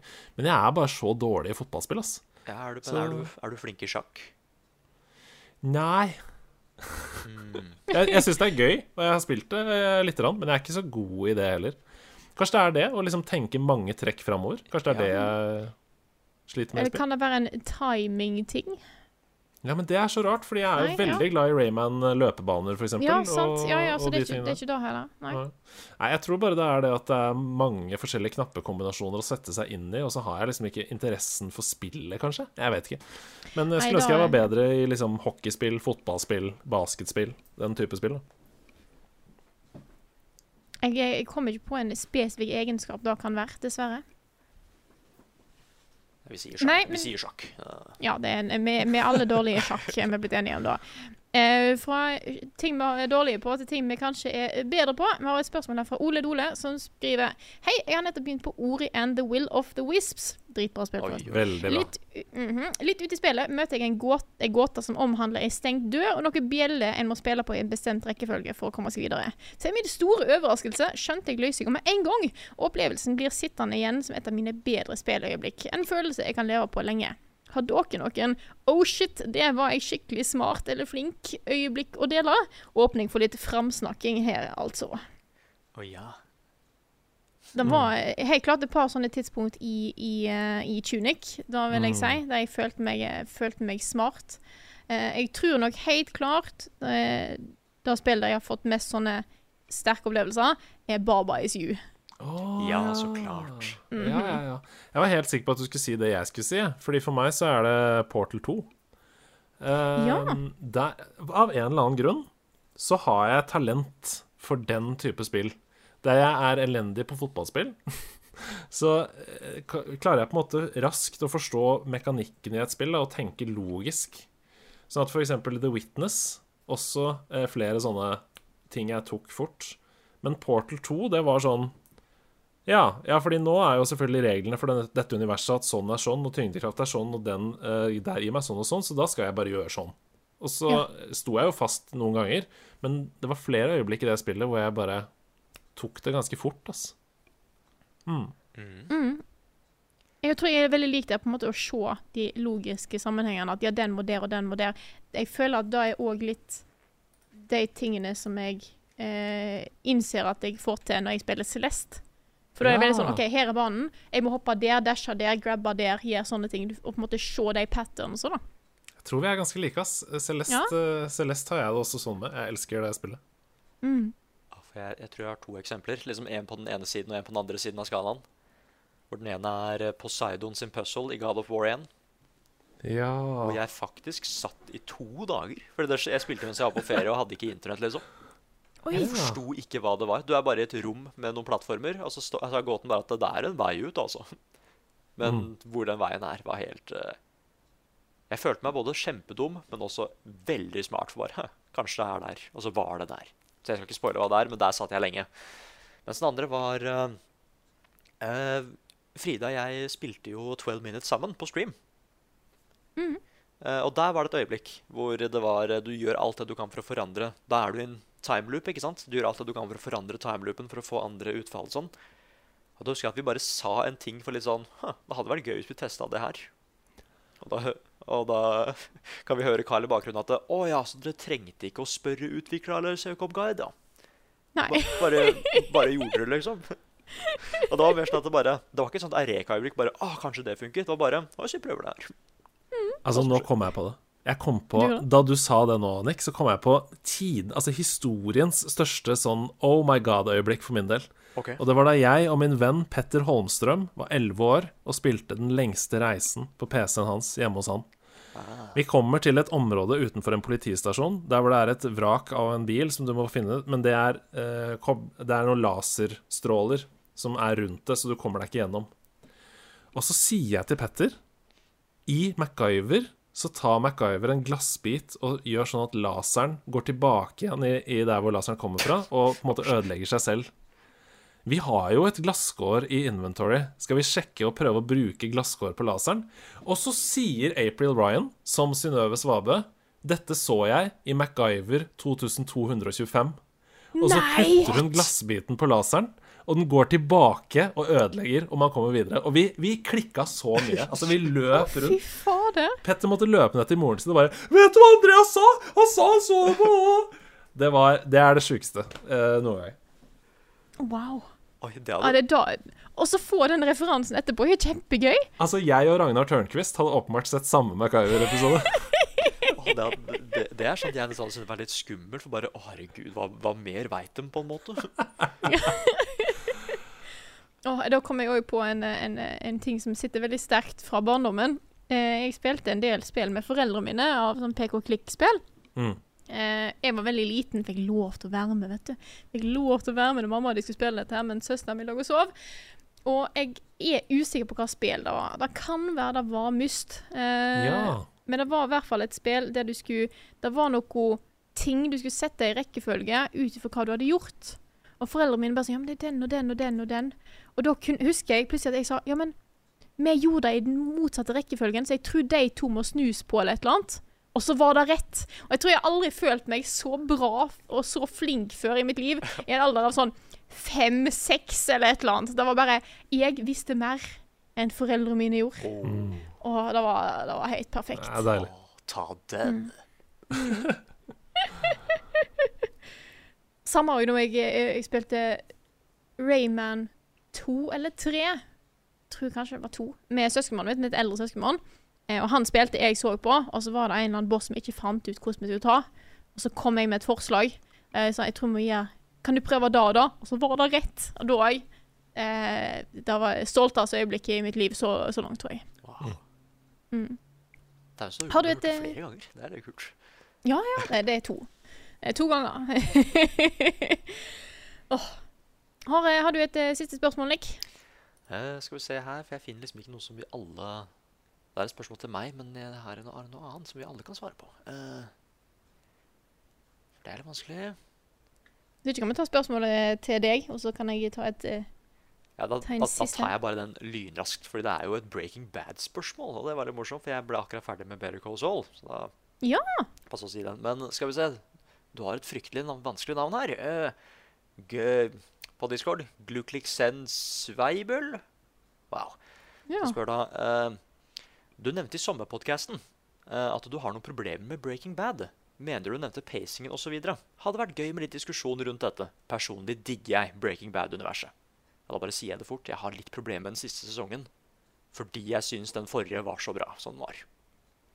Ja. Men, ja, det er liksom eh, Det er fem sesonger. Og jeg syns liksom serien pika på en måte i sesong fire, når det kom til tension og karakterene og sånn. Mm. Og sesong fem er en veldig, det er en veldig bra avslutning. Men jeg følte at det klarte ikke helt å gå opp til hvor nervepirrende og spennende det var i slutten av sesong fire. Så det er problemet. Jeg syns, eh, jeg, jeg syns det mangla litt uh, av den samme spenningen i slutten av serien. Mm. Så det, Men hva syns du om, eh, om Better Call Saul, da? Nå som du er ferdig med det? Jeg har nesten litt motsatt problem. av at Jeg, jeg, jeg syns den siste sesongen starta kjempebra. Men så gikk det litt sånn OK. Uh, uh, jeg syns den siste episoden var konge. For den så jeg i går, til og med. Det var, mm. Men åssen vi kom dit, kunne kanskje vært litt mer, litt mer snappy. Jeg er ikke helt sikker. Jeg må tenke litt mer på det. Nå fordøyes litt? Ja, det må fordøyes litt, rett og slett. Er det ikke Better Call Saul som ikke har vunnet noen Emmy-priser, men vært nominert sånn 18 ganger eller noe? Det er helt utrolig. Ja, De burde jo ha vunnet. Mange, mange ting. Ja, jeg tror, de har, jeg tror det er den e- eneste på en måte, serien som har vært nominert så mange ganger og aldri vunnet en eneste pris. Det er, helt, eh, det er jo en skandale, selvfølgelig. Det En er nydelig serie. De har, Ja. har de ikke da én mulighet til nå, siden sesongen her var delt opp? Ja, kanskje det er det. Ja. De sparer prisdrysset.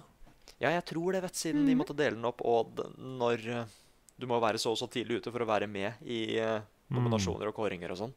Så det kan hende at det er én sjanse til. Et siste håp. Et siste håp. Eh, Hun som spiller Kim Wexler, for eksempel. Bare et eller annet der. Hva syns du om, om Breaking Bad-universet, Andreas? Du, jeg elsker det. Eh, Jeg skjønner jeg, jeg, Altså, jeg har sett, nettopp sett det for andre gang. Um, jeg er veldig, veldig glad i Breaking Bad. Uh, og jeg skjønner hva du mener med pacingen i den siste sesongen. For meg så, bli, så funker det fordi jeg opplever ikke nødvendigvis at målet med den siste sesongen er at det skal være så ekstremt spennende. Uh, altså, Walter har jo en forferdelig skjebne, uh, og jeg på en måte jeg liker litt den der melankolien som senker seg over serien mot slutten av siste sesong, og at det ikke er så veldig heftig tempo og spenning, men det er jo bare personlig preferanse, selvfølgelig. Så jeg trenger på en måte ikke å sitte ytterst på stolen hele tiden. Så jeg syns, jeg syns siste sesong også var helt nydelig, på sitt vis, da.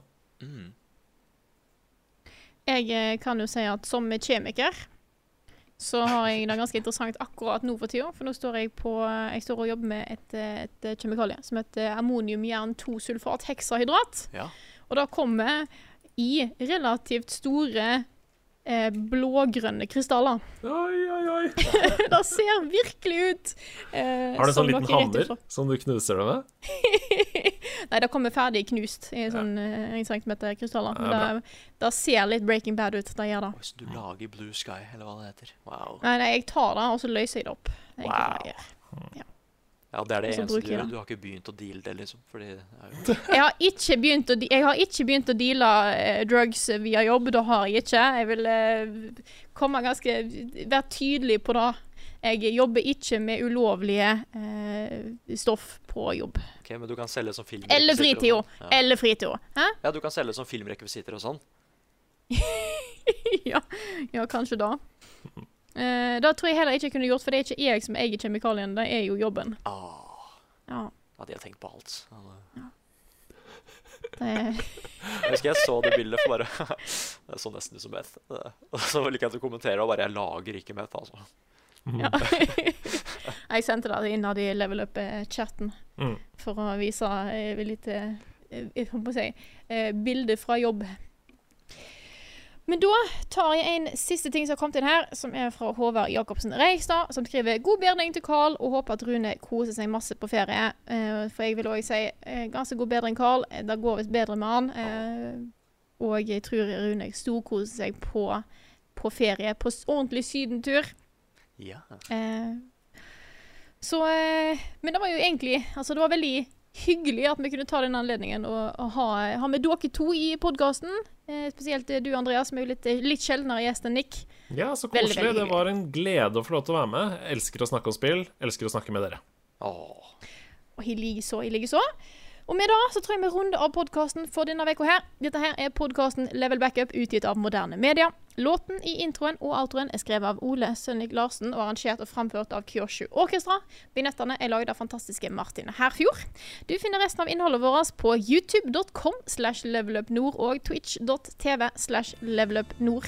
Så hopp inn på YouTube-kanalen vår og se på hva som har dukka opp der, hvis ikke du har vært innom i det siste.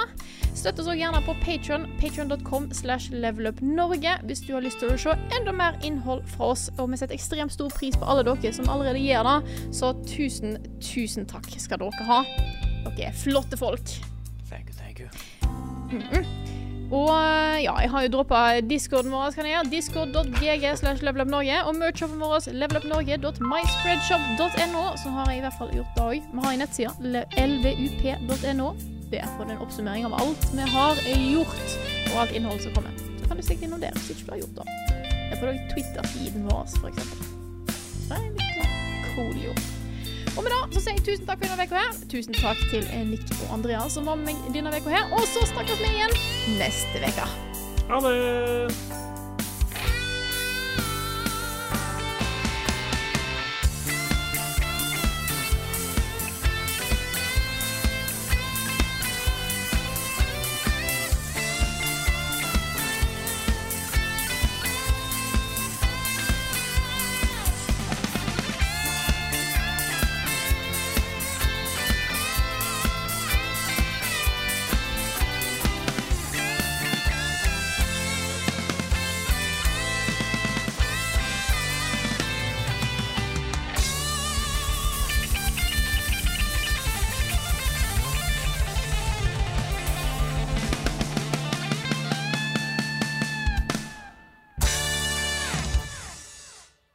Har du et enkeltpersonforetak eller en liten bedrift?